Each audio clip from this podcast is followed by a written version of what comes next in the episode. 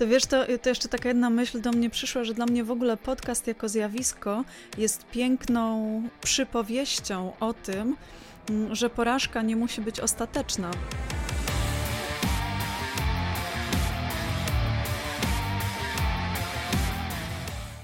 Cześć.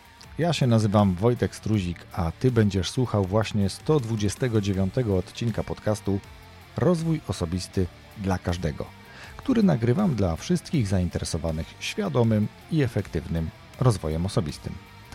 Dzisiaj moim gościem jest Patrycja Obara. Zanim powiem o czym rozmawiałem z Patrycją, to przypomnę, że w 128 odcinku moim gościem był Piotr Michoń, a z Piotrem rozmawiałem o szczęściu o tym, czym w ogóle szczęście jest, co robić, żeby być szczęśliwym i parę innych ciekawych sposobów na szczęście. Jeśli jeszcze nie słuchałeś tej rozmowy, to serdecznie Cię do tego namawiam. A teraz o czym rozmawiałem z Patrycją? Z Patrycją Obarą rozmawiałem o wiedzy, o tym, czym wiedza jest, dlaczego warto wiedzieć, jak skutecznie zdobywać wiedzę i parę innych rzeczy po drodze nam się pięknie przeplatało. Zapraszam zatem do wysłuchania rozmowy z Patrycją. A jeśli w międzyczasie będziesz mieć swój telefon w ręce, to po prostu wejdź na Instagram, znajdź profil Rozwój Osobisty dla każdego, obserwuj, poznajmy się lepiej. A teraz już zapraszam do rozmowy z Patrycją. Cześć, nazywam się Patrycja Obara i stoję życiowo, zawodowo na trzech nogach. E, jedna z moich nóg to są wystąpienia publiczne, i tutaj e, mam na myśli i szkolenia, i występowanie, przemawianie, i prowadzenie podcastu o wystąpieniach publicznych. Druga moja noga to szeroko rozumiana edukacja, a trzecia noga to sztuka, sztuki performatywne. Ja tutaj tak szybko w międzyczasie próbowałem zanotować, myślałem, że będzie dłuższy wstęp. A miałam się bardziej rozgadać, dobrze. bo wiesz, ja mogę... Bardzo, jest, jest bardzo dobrze ja ci dam szansę się rozgadać, ale żeby faktycznie o tych trzech nogach jeszcze porozmawiać, bo to bardzo ciekawe trzy nogi, to e, do tego na pewno nawiążę. A teraz, żeby tradycji stało się zadość, to zapytam ciebie, jaką masz pasję albo jakie masz pasje, Patrycja? No i tutaj znowu konsekwentnie zasada trzech pasje mam trzy. Jedną z nich jest edukacja, rozumiana na różne sposoby, i to jest coś, czym ja się w życiu zajmuję już ponad 20 lat, bo zaczynałam jako nauczycielka angielskiego, potem stałam się nauczycielką akademicką, potem otworzyłam własną szkołę, jest to szkoła śpiewu, a w międzyczasie jeszcze zaczęłam uczyć wystąpień publicznych, także ta edukacja się przewija naprawdę w różnych odsłonach. W międzyczasie też jeszcze podręcznik napisałam, także e, uczę jak tylko mogę i gdzie tylko mogę. E, druga pasja od zawsze, od niemalże niemowlęctwa to język. Mm, i miłością do języka zapałałam naprawdę no, już w wieku czterech lat dałam się tacie nauczyć czytać i chyba od tego się wszystko zaczęło, że wtedy, kiedy inne dzieci biegały po podwórku i kopały piłkę, to ja siedziałam w domu i czytałam misia, świerszczyka, ale tego prawdziwego świerszczyka, nie tego, jak tam się teraz go rozumie, mm, i jakieś tam książeczki dla dzieci. I trzecia pasja to te wspomniane już e, sztuki performatywne, a używam takiej szerokiej kategorii, bo no właśnie gdzieś tam w swojej sztuce poruszam się pomiędzy kategoriami kategoriami, że to jest trochę muzyka, trochę teatr, a trochę jeszcze coś, co nie wiadomo jak sklasyfikować, więc tak się właśnie, tak sobie pływam pomiędzy nimi. Jeszcze nazwy nie wymyślono. Ja pamiętam twoje wystąpienie na TEDxie, do którego też się pewnie, pewnie odniesiemy, jak myślę, że panie przedszkolanki bardzo ci lubiły, bo to byłaś tą osobą w grupie, która czytała innym dzieciom, więc panie mogły się zająć wtedy różnymi innymi rzeczami. Tak, dokładnie to wyglądało i do dziś pamiętam, że jedną z książek, którą czytałam innym dzieciom, dzieciom były e, przygody Eusebiusza. I tak siedziałam na środku sali, na krzesełku, dzieci siedziały dookoła mnie i ja czytałam te przygody Eusebiusza i przez to dorobiłam się statusu przedszkolnej wiedźmy, nie w znaczeniu ohydnej czarownicy, tylko w znaczeniu tej, która wie. Mm, bo do mnie się na przykład przychodziło, jak się miało katar i inne dzieci wyśmiewały, że to gile, to się do mnie przychodziło zapytać Patrycja, ale czy to są gile, czy to jest katar? I ja wtedy mogłam obwieścić wszystkim, że to jest katar i z tego nie należy się śmiać. Albo przychodziły dzieci z wypadniętym zębem, żeby zapytać, czy to aby normalne, że zęby wypadają i mogłam wtedy również rozsądzić, że tak, jest to normalne. Więc miałam taki status tej, do której się idzie z trudnymi pytaniami. Ten status się chyba utrzymał. W pewnym sensie tak, rzeczywiście. To dobrze, e, dobrze jest wiedzieć. E, o tym będziemy też rozmawiać, no ale przejdźmy do kolejnego z takich typowych pytań, które zadaję swoim gościom. Jak w takim razie edukatorko i e, miłośniczko sztuki bliżej nieokreślonej rozumiesz rozwój osobisty? Wiesz co, chyba ja, ja mam w sobie taki e, konflikt, i, i to jest coś, nad czym się dużo zastanawiam. Konflikt pomiędzy rozwijaniem się w głąb jakiejś dziedziny, a rozwijaniem się wszerz. I chyba staram się to pogodzić w takim sensie, że mm, właśnie poruszam się pomiędzy różnymi dziedzinami, I tak sobie próbuję, potem przenoszę się do kolejnej, do kolejnej, do kolejnej i jak coś zna, e, znajdę takiego, co naprawdę mi kliknie, to wtedy dopiero zaczynam to pogłębiać, pogłębiam to do pewnego momentu, ale już coś mnie zaczyna świeżbić, już mnie coś zaczyna swędzić i muszę się znowu zacząć rozglądać za czymś gdzieś obok, za jakąś odnogą. I ja wiem, że to jest taki duży konflikt w ogóle w pojmowaniu edukacji, czy edukacja powinna być w głąb, czy edukacja powinna być wszerz. Mm, ja chyba chyba myślę i ze swojego doświadczenia bym tak powiedziała, że najlepiej to działa wtedy, kiedy się te rzeczy połączy, żebyśmy nie byli potem gdzieś pod koniec tej drogi wspaniałymi, najlepszymi na świecie ekspertami, ale od tak bardzo wąskiej dziedziny i tak bardzo wąskiego zakresu tej dziedziny, że poza tym to naprawdę nie potrafimy nawet porozmawiać o tym, co jedliśmy wczoraj na obiad, ale też, żeby nie było tak, że wszystkiego tam liznęliśmy po, mm, po pół łyka i, i, i nie wiemy e, do końca z czym, co się je.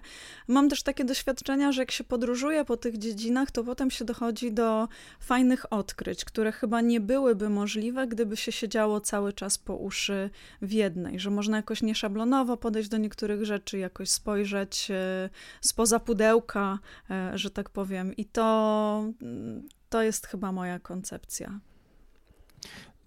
Też powiem bardzo ciekawa, bo no właśnie, dotknęłaś kilku takich obszarów i, i, myślę, że do nich też będziemy nawiązywać, bo y, rozwój osobisty jakby bardzo mocno powiązany jest z edukacją, jakkolwiek jedno i drugie by rozumieć, tak? z takim poznawaniem siebie, uczeniem siebie, ale mówiłaś o tym uczeniu się, rozwijaniu wewnątrz, rozumiem, dla siebie, pogłębianiu tego albo szeroko, czyli po różnych dyscyplinach. Y, a mnie jeszcze chodzi po głowie coś, co zasiał mi trochę jeden też z gości i bardzo ciekawie podszedł w ogóle do rozwoju osobistego, nazywając go rozwojem osobowym, hmm. E, gdyż on osobisty rozumiał jako rozwój osobisty dla siebie, a jak się okazuje, w bardzo wielu przypadkach, chyba w większości przypadków, uczymy się dla siebie po to, żeby pomagać innym, więc on jest bardziej osobowy. Mm. I chyba tutaj ta szerokość wtedy też ma znaczenie, niekoniecznie tylko to pogłębianie tego bardzo, bardzo precyzyjnie, ale wąsko, tylko właśnie szerzej i może nawet troszkę po łebkach czasami, bo chodzi o to, że wtedy nawet z takimi osobami chyba nam się lepiej rozmawia, kiedy tych tematów, y, takich różnych, e, wiesz, takich didaskali jest więcej niż po prostu tylko monotonia mm. i tylko o, nie wiem, tylko o psychologii albo tylko o wystąpieniach publicznych, na przykład bym mógł z tobą porozmawiać. Nie, to myślę, że to, to by nam się szybko e, przejadło. Na pewno ja łatwiej mówiłem, wtedy, że... przepraszam, hmm? że, że, że tak się wcinam, jasne, jasne. ale na pewno łatwiej wtedy uprawiać tak zwany small talk. Jest o co zahaczyć, jest y, na czym budować relacje, bo przecież tak naprawdę do każdej y, głębszej rozmowy łatwiej dojść, kiedy na początku nawiążemy jakąś więź z tym odbiorcą, gdzieś znajdziemy jakieś wspólne punkty, więc to na pewno jest łatwiej, kiedy jest kilka obszarów, w których możemy szukać. Ale bardzo mi się też e, spodobało to, co powiedziałeś e, o różnicy między rozwojem osobistym a osobowym, i e, zgadzam się z tym też, bo zawsze uważałam, że w ogóle nasza wiedza jest tylko tyle warta, ile jesteśmy w stanie dać z niej innym ludziom że jeżeli my tą wiedzę mamy tak po to, żeby ją mieć i tak ją dusimy gdzieś w szkatułce pod łóżkiem i nic z tym nie robimy, to jej wartość jest zdecydowanie mniejsza niż wtedy, kiedy możemy wyjść z nią do ludzi i jakoś ją krzewić, przekazywać, zmieniać życie innych na lepsze, czy świat na odrobinę lepsze, to wtedy dopiero wydaje mi się mieć sens. Y, sprowokowałaś mnie generalnie, a ja raczej, y, bo jest taki mm, facet, jest taki pan, y, którego książka wiele dla mnie znaczy i jakby wiele też zmieniła w moim życiu. E, I teraz to, co powiedziałaś, tak mi tutaj trochę pasuje, bo ja go od jakiegoś czasu, albo co jakiś czas wręcz boksuję i pytam, kiedy będzie druga część, kiedy będzie druga twoja książka Darek, kiedy będzie druga. E, I tak, tak sobie odbijamy tą piłeczkę, odbijamy. On już nawet napisał, że już ma dwie tak naprawdę, materiał na dwie książki, tylko wszystko jeszcze musi się poukładać. I ja to szanuję, tylko to jest właśnie to, o czym przed chwilą powiedziałaś. Tam już jest materiał na dwie książki, on już nawet pewnie gdzieś jest napisany, a ja nie mogę się doczekać, żeby z tego skorzystać, bo bardzo skorzystałem na pierwszej części. Mhm. I tutaj znowu czuję się zmobilizowany i po nagraniu tego odcinka znowu napiszę, chociaż pewnie piszę chyba już raz na tydzień tak naprawdę, więc jestem e, chyba trolem już powoli takim, e, nie, nie trolem, takim, jak to się mówi ładnie? Takim, stalkerem. Co tak, stalkerem, właśnie, stalkerem e, Darka Użyckiego, który napisał Czy jesteś tym, który puka? Taki przewrotny tytuł, więc jeśli nie miałeś okazji, Czyli ty to ja jesteś, serdecznie polecam. Chyba tak, co najmniej pukam do skrzynki mailowej Darka, natomiast e, książkę o dziwo Darek, i to też, wiesz co, myślę, że fajnie, że to słuchacze też usłyszą. Książka, która dla mnie jest wartościowa i ja ją bardzo często polecam różnym osobom i tobie przed chwilą również ją poleciłem, jeśli jej nie czytałaś, to wyobraź sobie, że Darek uznał, że skoro książka od premiery ma już 3 lata, to ją można w formie PDF pobrać za darmo z jego strony. Hmm, wspaniale. Więc y, świetny gest i teraz ci wszyscy, którzy słyszeli o tej książce, a nie mogli jej dostać, bo jakby egzemplarz się wyczerpał i pewnie -hmm. Darek znowi to kiedyś, jak już wyda drugą część być może, czy też drugą książkę, to wtedy to, to się być może też pojawi w formie drukowanej. Ale taka y, przy, przy, wiesz, przy, przydługi taki y, temat poboczny, bo myślę, że też ciekawy a propos wiedzy i uczenia się, bo ja z tej książki wiele się nauczyłem, ona tak jak powiedziałem, wiele dla mnie znaczy, więc przejdźmy teraz do tego meritum, o którym chciałem z, tobie, z tobą porozmawiać, bo żeby trochę porozmawiać porozmawiać o wiedzy, o uczeniu się, o tym, jakie to jest istotne, szczególnie dla osób już, które robią to świadomie, a nie pod przymusem pręgierza edukacji, tak bym to mhm. powiedział trochę, e, to, to żeby wiedzieć, czym ta wiedza w ogóle jest. Czym jest w ogóle wiedza? Czym jest wiedza w 2021 roku? Dobre. Doprecyzowałabym, bo wydaje mi się, że wiedza w 88, kiedy ja zaczynałam podstawówkę, Mm, była jednak trochę czymś innym, że wtedy, no wiesz, trudno było nosić w torebce czy w plecaku wszystkie książki na wszystkie tematy, które nas interesują, więc wtedy ważniejsze było, mam wrażenie, niż dzisiaj to, żeby więcej mieć w głowie, żeby więcej mieć zapisane na własnym twardym dysku, we własnej pamięci e, i móc do tego łatwo sięgać. Natomiast dzisiaj mi się wydaje, że, e, że tutaj ten środek ciężkości się przesunął w stronę e, umiejętności krytycznego myślenia i komparatywnego myślenia, bo my możemy w każdej chwili w milionie źródeł sprawdzić jakiś tam fakt z historii, z biologii, z jakiegokolwiek innego przedmiotu e, i podstawą wiedzy, wydaje mi się, w 2021 roku to, czy my potrafimy odróżnić, które z tych źródeł są wiarygodne, a które nie są. Powiem ci, że nie spodziewałem się takiej odpowiedzi, ale bardzo ci za nią dziękuję, dlatego że faktycznie po pierwsze, ewidentnie przesunęliśmy e, nasz dysk e, z głowy, z wnętrza głowy na dyski zewnętrzne, nasze smartfony, tablety i komputery i pamiętamy tylko rzeczy niezbędne, aczkolwiek to nie jest dla nas złe, wręcz przeciwnie bym powiedział, to jest bardzo dobre, dlatego że jakby ten ogrom bodźców, którymi dzisiaj jesteśmy bombardowani spowodowałby, że pewnie, nie wiem, coś by tam eksplodowało w tej naszej głowie, gdybyśmy chcieli w niej tak dużo magazynować. Mm. Teraz sztuką jest wiedzieć, gdzie to znaleźć, to takie MGR i NZ mi się przypomina kiedyś. Nie wiem, czy, czy znasz taką dosyć zabawne, aczkolwiek może mało takie grzeczne, e, jaka jest różnica między magistrem a inżynierem. Mhm. Bo Jaka? Magist magister musi wiedzieć, gdzie jest inżynier. Aha. E, a, a skrót MGR i NZ, który mhm. kiedyś często występował, to jest można e, robić i nieźle z tego żyć. No, dzisiaj to pewnie już nie ma zastosowania, ale kiedyś, kiedyś miało. Ale wracając do, do, do tego, co powiedziałaś, do twojej tak naprawdę drugiej części wypowiedzi, umiejętność krytycznego myślenia to jest coś, co podnosiłem już w tym podcaście i myślę, że warto to podnosić często, dlatego że obserwuję to szczególnie kiedy na chwilę wskakuję do sieci i widzę, co tam się dzieje, jak ludzie łatwo udostępniają coś, co nie jest w żaden sposób zweryfikowane, mhm. a wręcz przeciwnie nawet, może nie wręcz przeciwnie, ale mm, ja już o tym wiem i wiele osób pewnie wie, jest to po prostu multiplikacja jakiegoś fałszywego komunikatu i leci, bo jest, wiesz, klikalne, bo jest clickbaitowe, bo jest, nie wiem, e, atrakcyjne pod jakimś tam względem. Jasne. Więc faktycznie umiejętność krytycznego myślenia dzisiaj jest, można powiedzieć, bardzo istotnym elementem wiedzy, tak?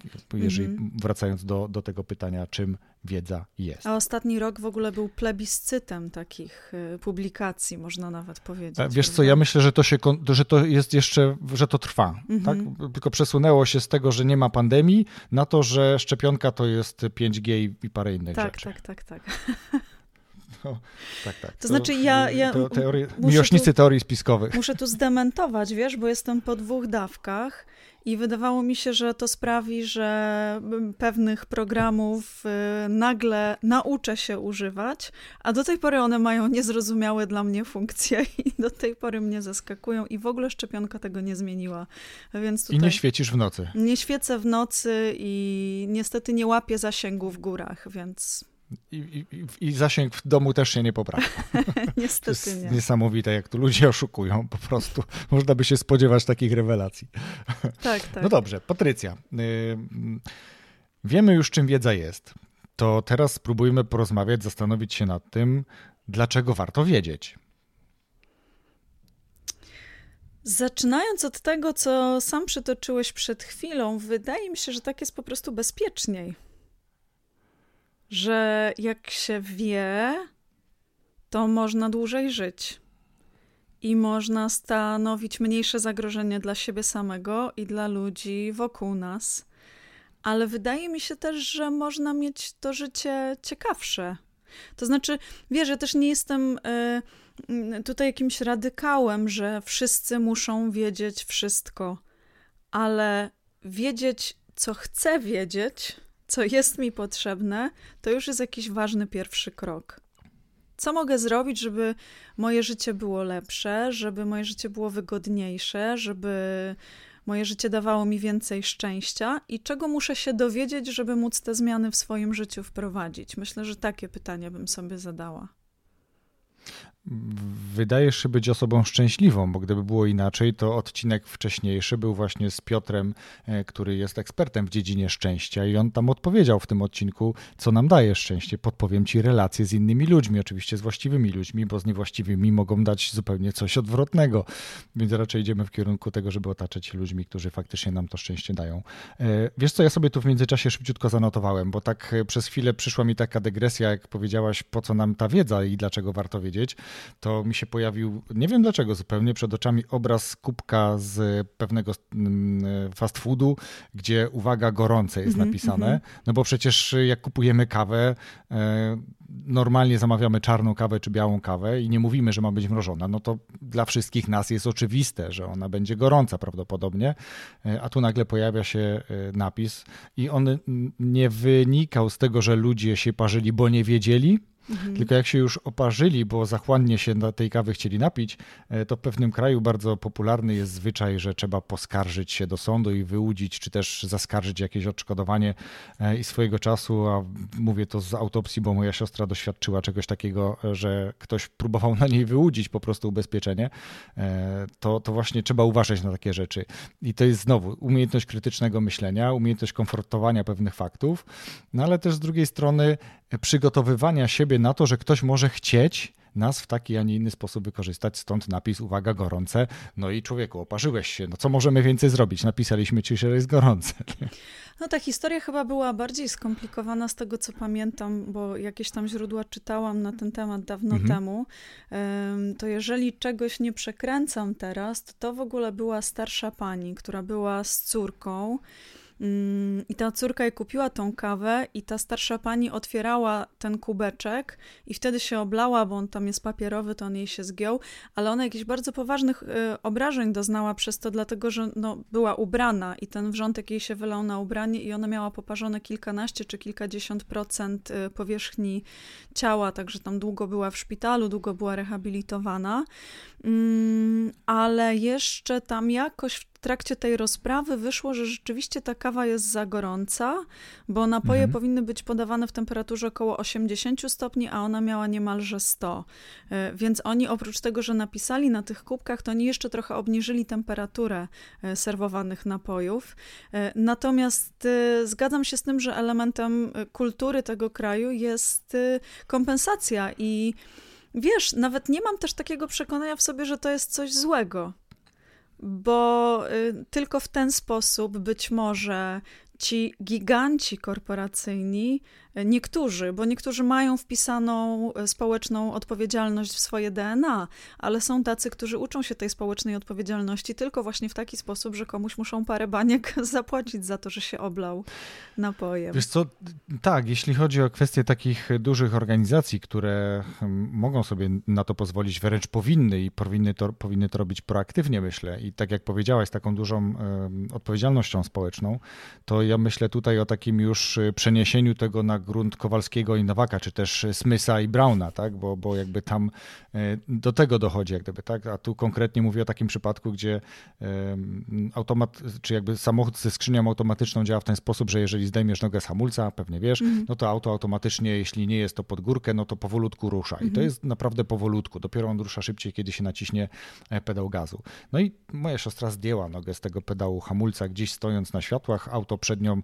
ruszało ciut wolniej niż to, co i to było do dotknięcie, wiesz, no dotknięcie nieodczuwalne niemalże, no ale pani, która siedziała w tym samochodzie z przodu wyszła i a, a, tam wiesz, jakby faktycznie ktoś przywalił z prędkością z tam 10 czy 15 km na godzinę. I mówię o takich jakby -hmm. przegięciach, tak? Czy jakby takich próbach ewidentnego wyłudzenia e, jakby już od Kowalskiego, czy też Smitha Browna. Nie? Ale to, to też to, ciekawe, co stronę. mówisz y, nawet w kontekście właśnie wiedzy, bo tutaj widać y, dwa rodzaje wiedzy, jakie można mieć, czy też dwa podejścia do wykorzystania wiedzy. Jeden rodzaj, czy jedno podejście to jest jest jak wyciągnąć jak najwięcej dla siebie z danej sytuacji, czyli takie mniej uczciwe podejście, a drugie, jak się obronić, kiedy ktoś chce tobie coś takiego zrobić.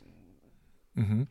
No właśnie, i tutaj niewiedza, niewiedza, no trudno powiedzieć niewiedza, no bo tutaj, to, wiesz, obcokrajowiec tam w kraju innym gdzieś i, i, i tak dalej. No wiele tu aspektów pewnie mm -hmm. można mhm. byłoby poruszać, natomiast faktycznie ja też generalnie myślę, że mogę sobie powiedzieć, jeśli nie co najmniej wysoko wrażliwy, to wysoko empatyczny.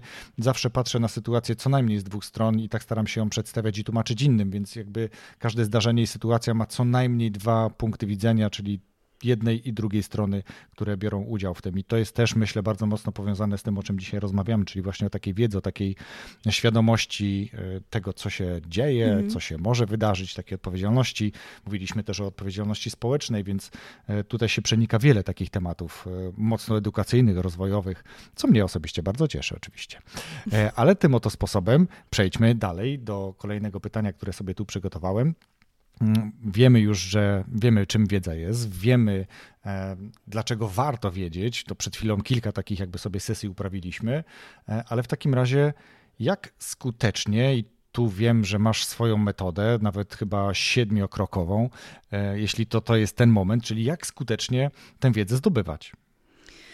Mm, w moim odczuciu najważniejszym błędem, bo tam o, o, o, błędach w systemie edukacji w każdym kraju, ale tutaj szczególnie w Polsce, bo w tym kraju jesteśmy i nagrywamy tą rozmowę, e, mhm. można by rozmawiać godzinami. Ale wydaje mi się, że jednym z podstawowych, jednym z najważniejszych jest to, że często w tym procesie edukacyjnym pomijana jest najważniejsza osoba. I tą osobą jest uczeń. Mhm. Że nie są brane pod uwagę potrzeby ucznia, jego predyspozycje, jego e, pragnienia, jego obawy, tylko po prostu jest konkretny materiał. Ten konkretny materiał trzeba zrobić w konkretnym czasie i zdać egzamin na konkretną liczbę punktów. Odhaczyć. Odhaczyć.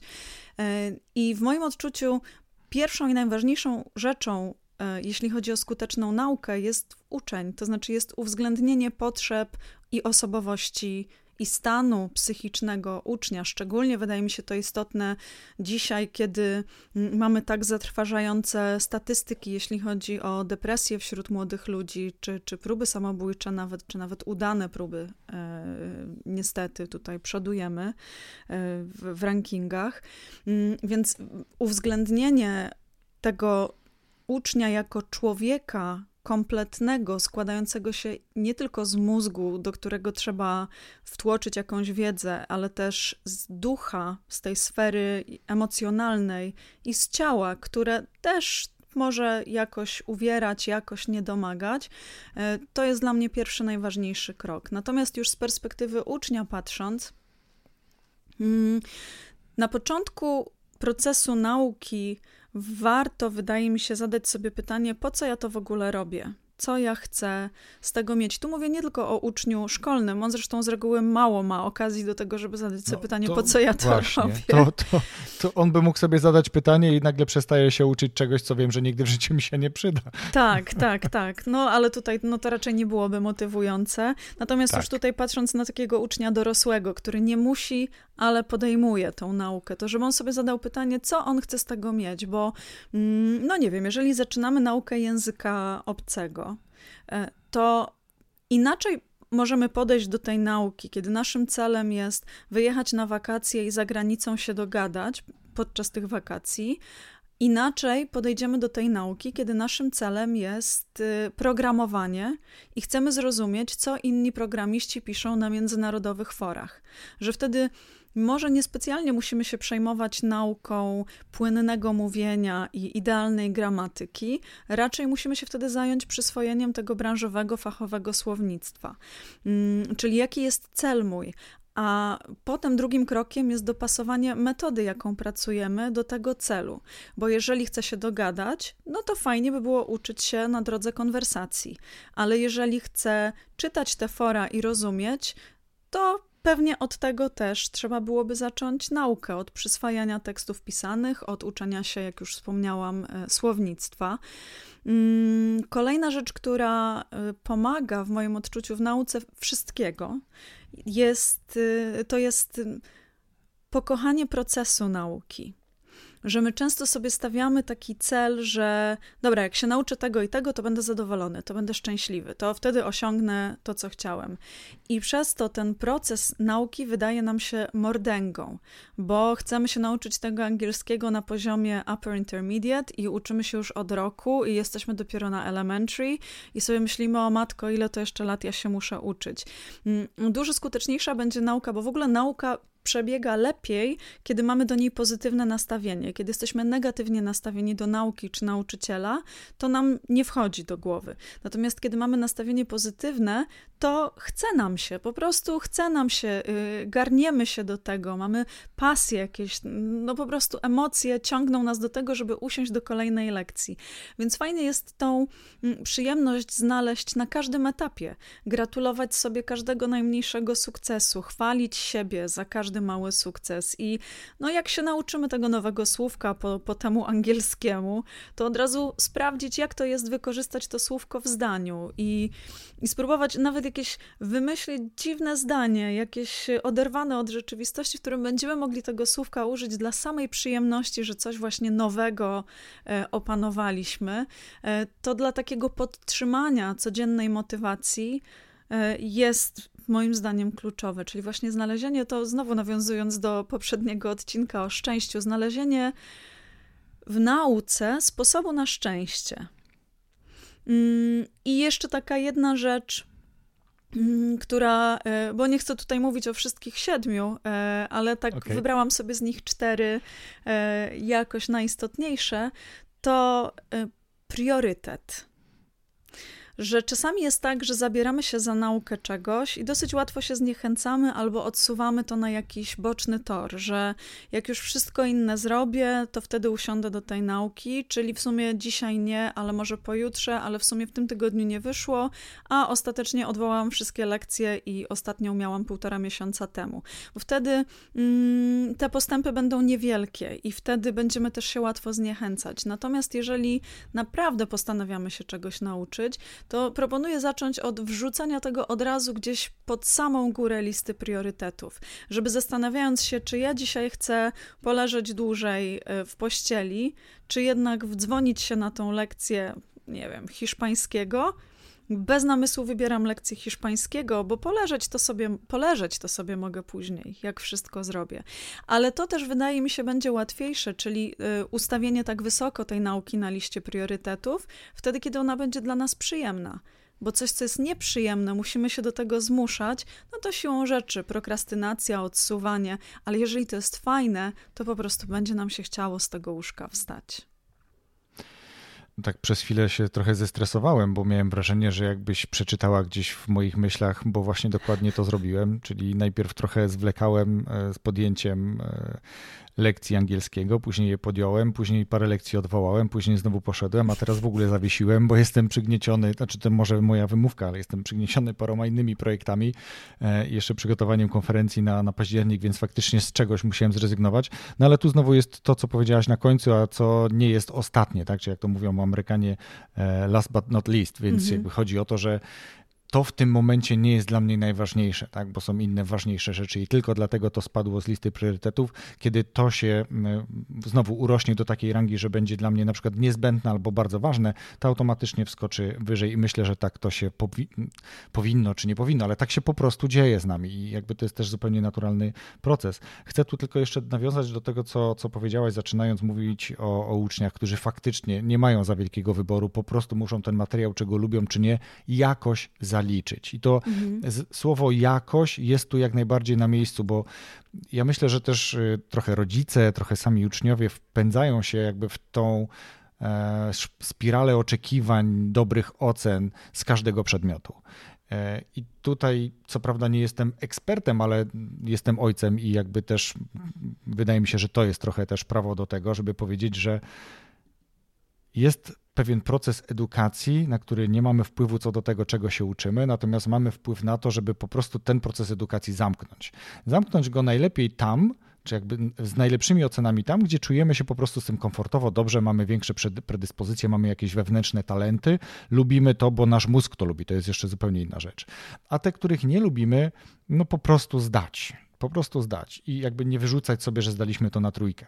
Oczywiście niektórzy rodzice mogą teraz wieszać na mnie psy, ale to jest moje zdanie i uważam, że jest bardzo zdrowe podejście. Ja popieram Bo to, się to podejście. Dziękuję. Bo to się zmienia później, kiedy już stajemy się e, bardziej świadomi i dorośli, to my wybieramy sobie to, co, czy to, czego chcemy się nauczyć. E, I też znowu powiem z autopsji, bo ja poszedłem na studia po 20 latach przerwy i skończyłem je w ubiegłym roku, broniąc dobrze, całkiem nieźle, jak na siebie to w ogóle bardzo dobrze tytuł magistra. Gratuluję. Oczywiście zaczynałem studia, dziękuję, zaczynałem studia z kierunkiem zarządzanie, nie, coaching menedżerski, a skończyłem zarządzanie marką, bo w międzyczasie sobie zmieniłem. Ale tu znowu Przepraszam, ja zaczynałam na y, anglistyce dokładnie w nauczycielskim kolegium języków obcych, a skończyłam też jakieś 12 lat później na business administration, także... można, można, tak? Bo to gdzieś nagle zaczynasz ważyć, co może ci się bardziej przydać, co lubię, a co mi się może bardziej przydać. I ja dokładnie takiego wyboru dokonałem. Natomiast chcę powiedzieć, że kiedy bo to też jakby jest źródło mojej inwestycji i do tego też namawiam wszystkich słuchaczy. Jeżeli jest coś, co Was interesuje, albo czujecie potrzebę rozwinięcia jakichś kompetencji w pewnych obszarach, to możecie to zrobić na wiele sposobów, chociażby kupując kursy online na przykład, tak? czy jakieś indywidualne konsultacje z ekspertami, mentorów znaleźć. E, a na uczelniach wyższych, jeżeli ktoś ma taką potrzebę, żeby domknąć jakiś proces, ja chciałem zaliczyć, jakby zdać tytuł magistra, mieć go po prostu dla siebie, tak? Ani praca, nikt ode mnie tego nie oczekiwał. I wszystko było świetnie, bo wiesz, czułem się jak taki prawiczek to złe słowo, ale taki, wiesz, taki e, prymus, o, tak, czyli na zajęciach siadałem w pierwszej ławce, wiesz, tu w ogóle byłem nakręcony, że wróciłem na studia, bardzo wiele mi się podobało. Te przedmioty, które lubiłem, patrz, wystąpienia publiczne, e, właśnie coaching i tak dalej, więc zaliczałem je bardzo dobrze i łatwo. No ale nie wiem dlaczego na coachingu menedżerskim E, albo tudzież na zarządzaniu marką później są przedmioty, których ja w ogóle nie, nie, nie, wiedziałem, że będą, a też jakoś trzeba było je zaliczyć. Tak? I znowu to się e, pokazuje i później pytałem na uczelni, no muszą być, bo wymaga od tego od nas ustawodawca i tak dalej. Nagle mhm. na coachingu menedżerskim jest, nie wiem, e, statystyka albo księgowość biznesowa, czy rachunkowość biznesowa, czy coś też takiego. Też miałam no i... księgowość menedżerską, uwielbiałam. nie, nie. To akurat, to akurat znam, bo wiesz co, jest to kawałek mojego jakby życia zawodowego, więc jakby wiedziałem o co chodzi w tej sprawozdawczości, po co to się robi, na cele zarządcze i tak dalej, ale, ale te inne przedmioty podobnej natury E, no wiesz, gęsia skórka na plecach, tak mhm. mi się jeżyło, i, i, ale trzeba było zaliczyć i jakby tak do tego podchodzę. A teraz, kiedy trzeba się czegoś uczyć, to albo sięgam po książkę, albo właśnie kupuję jakiś kurs i go staram się przerobić. Mam też to, że kupuję i przerabiam tylko ten element, który mnie ciekawił, a nie dochodzę do końca, bo mogę wybrać, tak? To też jest jakby, myślę, że to, to istotne. E, Powiedziałaś o czterech kluczowych obszarach z tych siedmiu. Te siedem ja podlinkuję w opisie tego podcastu, pod, podpinając tam oczywiście Twoje wystąpienie na TEDxie, które bardzo mi się podobało i które zainspirowało mnie tak naprawdę do tego, żebyśmy mogli porozmawiać. A teraz jeszcze chciałem Ciebie zapytać o to, to o to coś, co powiedziałaś na początku. Prowadzisz e, wspólnie z Michałem podcast. Tak. Dlaczego podcast? Co ci daje podcast? Powiedz tym, którzy e, słuchają e, i tak się borykają trochę. Nagrać, nie nagrać, co mi to da, no niby chciałbym. Jak to jest z twojej strony? Co was skłoniło do tego? Wiesz co, tutaj oczywiście moją inspiracją wielką był Michał, który podcastami zajmuje się dużo, dużo dłużej niż ja i jest tutaj e, moją go-to osobą i ekspertem, z którym konsultuję większość rzeczy. Mm, natomiast y, zaczęłam widzieć od jakiegoś czasu, patrząc też na to, co Michał robi, podcast jako fajny sposób właśnie na dzielenie się wiedzą, dlatego że no, żyjemy dzisiaj w takich czasach, kiedy wszyscy jesteśmy jakoś zabiegani. Dobra, może nie wszyscy, nie będę generalizować, ale wiele osób jest bardzo zabieganych, a mimo to chciałyby mieć dostęp do wiedzy. No i nie mają czasu na to, żeby mm, czytać artykuły, żeby czytać blogi. I my przez jakiś czas z Michałem prowadziliśmy blog i tam pisaliśmy artykuły na temat wystąpień publicznych, ale też zobaczyliśmy, jak one się czytają i zrozumieliśmy dosyć szybko, dlaczego tak jest. Po prostu ludzie nie mają na to czasu. I widać było, że ktoś klika, ktoś zagląda, ale potem nie ma czasu, żeby doczytać całość. I wtedy pomyśleliśmy, mm, w ogóle najpierw pomyśleliśmy o audiokonferencji że gdyby tak, wykorzystać ten czas pandemii nie na to, żeby siedzieć w domu i się użalać, że nic się nie da, tylko na to, żeby zobaczyć, co się da i być może stworzyć taką formę, która w tych czasach y, będzie mogła dotrzeć do odbiorcy, no to wpadliśmy na ten pomysł audiokonferencji. Zaprosiliśmy mm, grupę ekspertów, żeby poopowiadali o wystąpieniach publicznych ze swoich różnych, różnorodnych perspektyw. Y, I to nam całkiem fajnie zadziałało, więc już na etapie przygotowywania się do audiokonferencji stwierdziliśmy, dobra, to potem lecimy dalej z tym podcastem. Nie zamykamy tego na tym e, pierwszym etapie.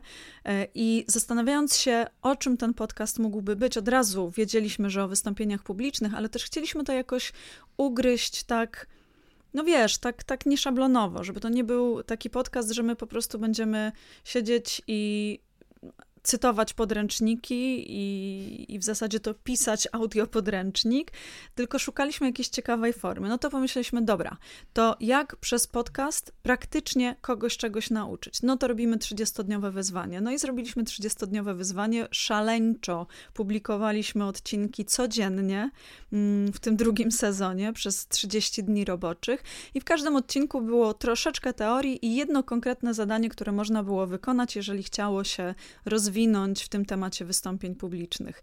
E, mieliśmy bardzo fajny odzew.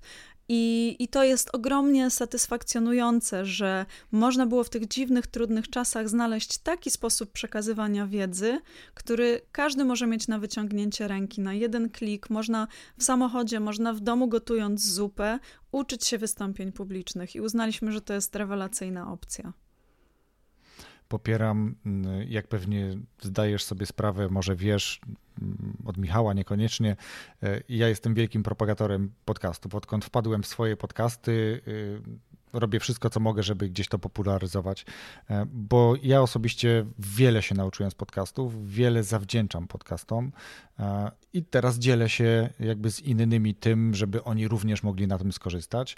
W dużej mierze również skorzystać na wiedzy i doświadczeniu gości, tak jak ty dzisiaj opowiadasz o wiedzy. Wierzę, że niektórym słuchaczom to też może taka lampka się gdzieś zapalić, coś się otworzyć i, i nagle powiedzieć, przecież to wiedziałem, czemu tego nie robię, nie? I to, to wiesz, bo to najczęściej tak jest, że ludzie wiedzą, doskonale wiedzą, jak coś zrobić, mhm. tylko tego nie robią. I, I, jakby to jest największe dla mnie takie znaczy, no nie, ja też tak mam, ale, ale generalnie właśnie takie, takie coś, nie? Że, że 100 razy to usłyszę, a dopiero za 101 to kliknie, jak to powiedziałaś ładnie, nie? Tak, Czyli tak. przeskoczy i, i coś zaczynam działać. Mhm. Więc jakby bardzo wierzę w to, że gdzieś te podcasty dają właśnie tą wartość, inspirują ludzi do jakichś takich ciekawych y, zmian, do, do testowania różnych rozwiązań, do, do w tym wypadku, w tym wypadku mojego podcastu, tego konkretnego podcastu, no to na przykład właśnie do, do poszerzania czy poszukiwania tak, jakiejś wiedzy, do, do, do wzbudzania w sobie krytycznego myślenia, o którym też rozmawialiśmy. No czy też w drugim podcaście, gdzie czytam bajki dzieciom dla wielkiego fanu i nie tylko, po prostu przynosić radość rodzicom i dzieciakom z samego słuchania i to jest też niesamowity fan. Słuchaj, tu mam na dwóch półkach takie uszyte przez jedną z autorek y, maskotki, cudowne rękodzieła, więc mm. to, to, to, to po prostu to się tak wiesz, to, to, to się tworzy. To jest taka kulka, która jest coraz większa i ona tak spada, jest coraz większa, jest coraz większa i ten fan z tego wszystkiego, ta radość jest coraz większa, więc jakby tutaj te podcasty są dla mnie, musiałem o tym powiedzieć, dlatego ciebie zapytałem Super. o podcast.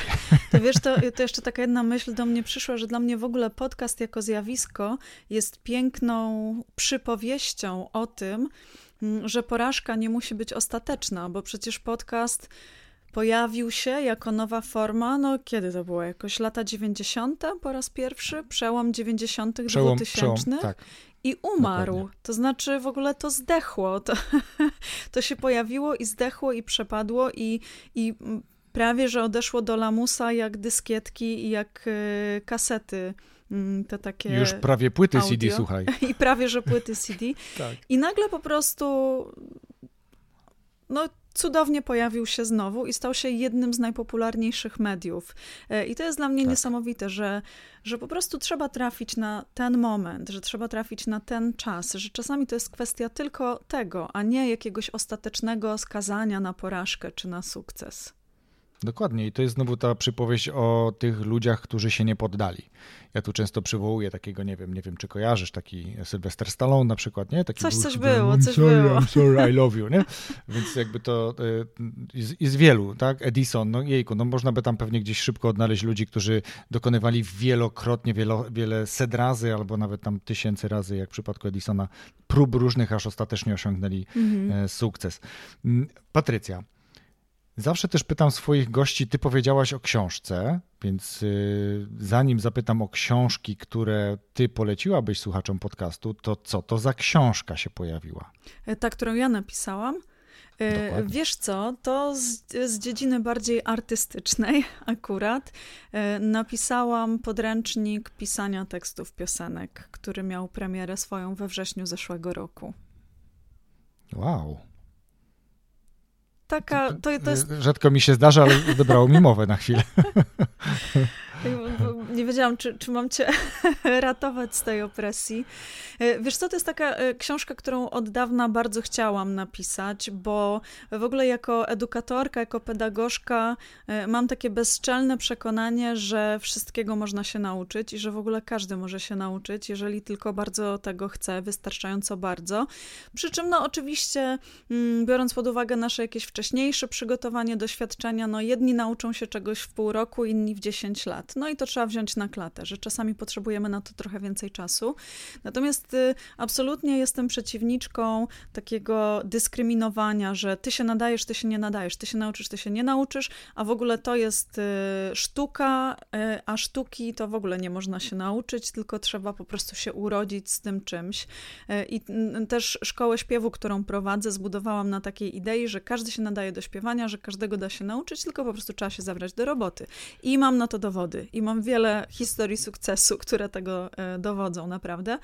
Mm, no i ten podręcznik też powstał na kanwie e, właśnie tej pracy z moimi uczniami, że oni jak się już nauczyli śpiewać te piosenki, to bardzo często budziło to w nich potrzebę twórczą i oni zaczęli e, pragnąć pisać własne. No i przychodzili do mnie i mówili, ty, ale jak to zrobić, jak się do tego zabrać? No i jak zaczęłam im na to pytanie odpowiadać, bo pierwsza moja odpowiedź, wiesz, ja zaczęłam pisać piosenki, jak miałam chyba z 7 lat i to tam było, jedna była, pamiętam ją do dziś, o prądojadach z planety Prąd, które przylatywały na Ziemię i podłączały się do gniazdek elektrycznych i jadły prąd z naszych gniazdek, bo u nich na planecie już się skończył. Mm, druga piosenka była o jesiennym ptaku, który latał po niebie i pocieszał smutną kobietę, która chodziła po plaży. Nie wiem, jakąś miałam melancholijną duszę. Wow. No i tak od tego siódmego roku roku życia tak piszę te piosenki, oczywiście w międzyczasie dużo czytam, uczę się, rozwijam i tak dalej, tylko jestem już na takim etapie, że ja już byłam, do, dokąd zaczęłam pracować nad tą książką, że ja już w sumie sama nie wiedziałam, jak to robię. Że po prostu, no jak to robię? No biorę pióro, biorę kartkę i piszę, czy tam siadam do pianina i piszę. A kiedy uczniowie zadali mi zadawać to pytanie, to ja musiałam sobie to jakoś ustrukturalizować. Musiałam sobie y, sama odpowiedzieć, że aha, dobra, tu mamy formę jakąś, tu mamy jakieś środki stylistyczne, tu mamy jakiś storytelling. Dobra, czy tego da się nauczyć? Myślę, myślę, myślę. Okej, okay, da się. To ja napiszę teraz o tym, jak można się tego nauczyć. I tak powstał ten podręcznik. Super. No to gratuluję generalnie, więc y, też podlinkujemy oczywiście w opisie tego podcastu ten podręcznik, gdyby ktoś chciał swoją twórczość skierować na pisanie piosenek. Ja Myślę, że nie tylko, na pisanie wiesz, zgadywanek dla tam, dzieci. O, super, wow. To pokrewna dziedzina w zasadzie. Świetnie, świetnie, bardzo inspirujące.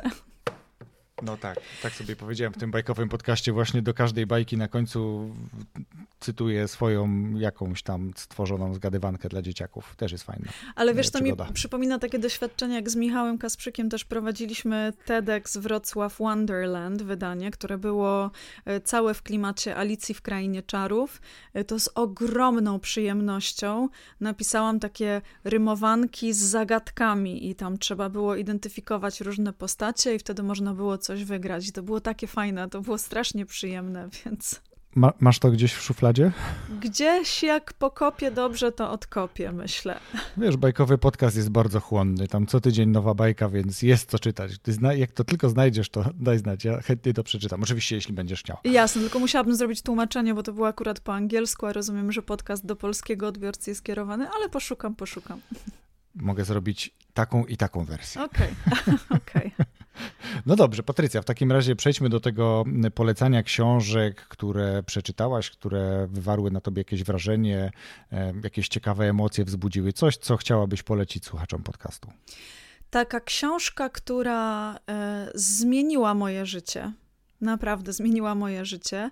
E, to jest książka How Emotions Are Made, e, którą napisała Lisa Feldman Barrett. I to jest książka, mm, która odnosi się do, e, do tej dwuczynnikowej teorii emocji. Opowiada o tym, że emocje składają się z dwóch elementów. I pierwszy element to są reakcje naszego ciała ale ich pula jest dosyć ograniczona, że tam może nam bić serce szybciej, mogą nam się spocić dłonie, mogą nam, nie wiem, kolana zmięknąć, głos zadrżeć. Nie, niewiele jest tych objawów w gruncie rzeczy, więc my mm, podobnymi reakcjami w podobny sposób będziemy reagować na różne sytuacje. I mózg dopiero analizuje ten drugi element, jakim jest kontekst, e, żeby zrozumieć, co my właściwie czujemy. Czyli on się rozgląda, widzi atrakcyjna osoba obok nas, myśli, oho, e, zauroczenie albo widzi tam, że siedzimy na karuzeli i sobie myśli, dobra, okej, okay, czyli to przyspieszone bicie serca to jest ekscytacja. Albo widzi, że stoimy na środku sceny i ludzie na nas patrzą, to sobie myśli, o kurczę, stres, stres, wystąpienie publiczne.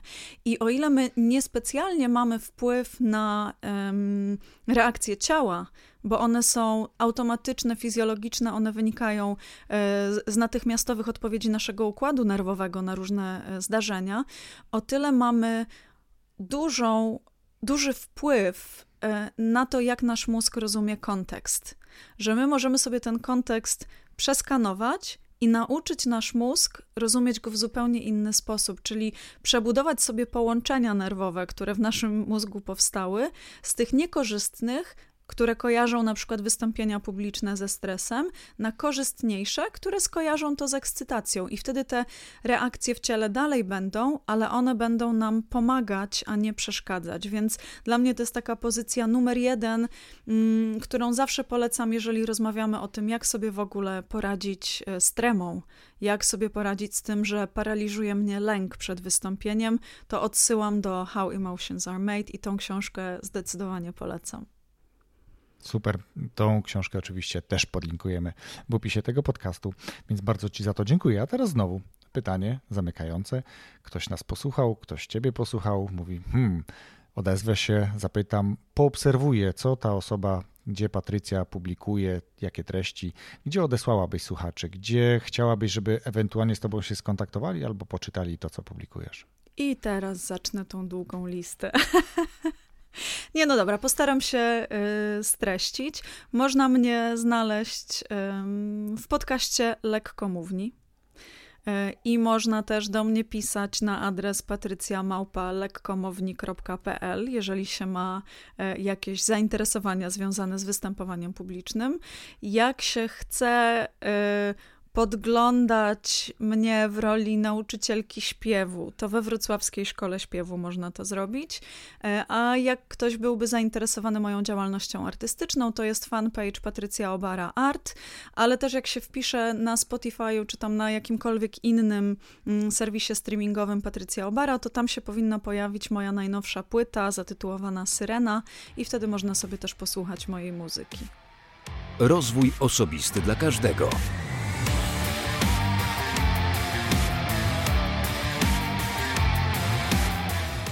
Dziękuję Ci za wysłuchanie tej rozmowy do samego końca. Wierzę, że to, co mówiła Patrycja, jest też, czy może być dla Ciebie inspirujące. Ja wyciągnąłem z tego naprawdę kilka ciekawych rzeczy, między innymi o tym, że ewidentnie trzeba i warto mieć cel, a tak naprawdę, i to już po moich doświadczeniach, tak ustawić priorytet, żeby to, czego potrzebujesz w danym momencie albo najbardziej potrzebujesz, było wysoko i automatycznie będzie Ci łatwiej zdobywać tę wiedzę, ale też, żebyś przy okazji miał radość, czuł szczęście z tego, że tą wiedzę czy tę wiedzę zdobywasz. Dziękuję Ci raz jeszcze za wysłuchanie tej rozmowy i dziękuję swoim patronom, którzy wspierają mnie, a jest ich blisko 30, słuchajcie, osób, więc jeśli i Ty chcesz dołączyć do grupy patronów podcastu Rozwój Osobisty dla Każdego, ale też i patronów bajkowego podcastu, to zapraszam Cię, wejdź na stronę patronite.pl łamane przez RODK i wybierz tam dogodny dla siebie próg wsparcia, zaczynając choćby od kwoty 5 zł, czy wybierając po prostu kwotę 5 zł. E, oczywiście z góry Ci za to dziękuję i dziękuję raz jeszcze i do usłyszenia za tydzień w piątek z nowym odcinkiem podcastu. Wszystkiego dobrego.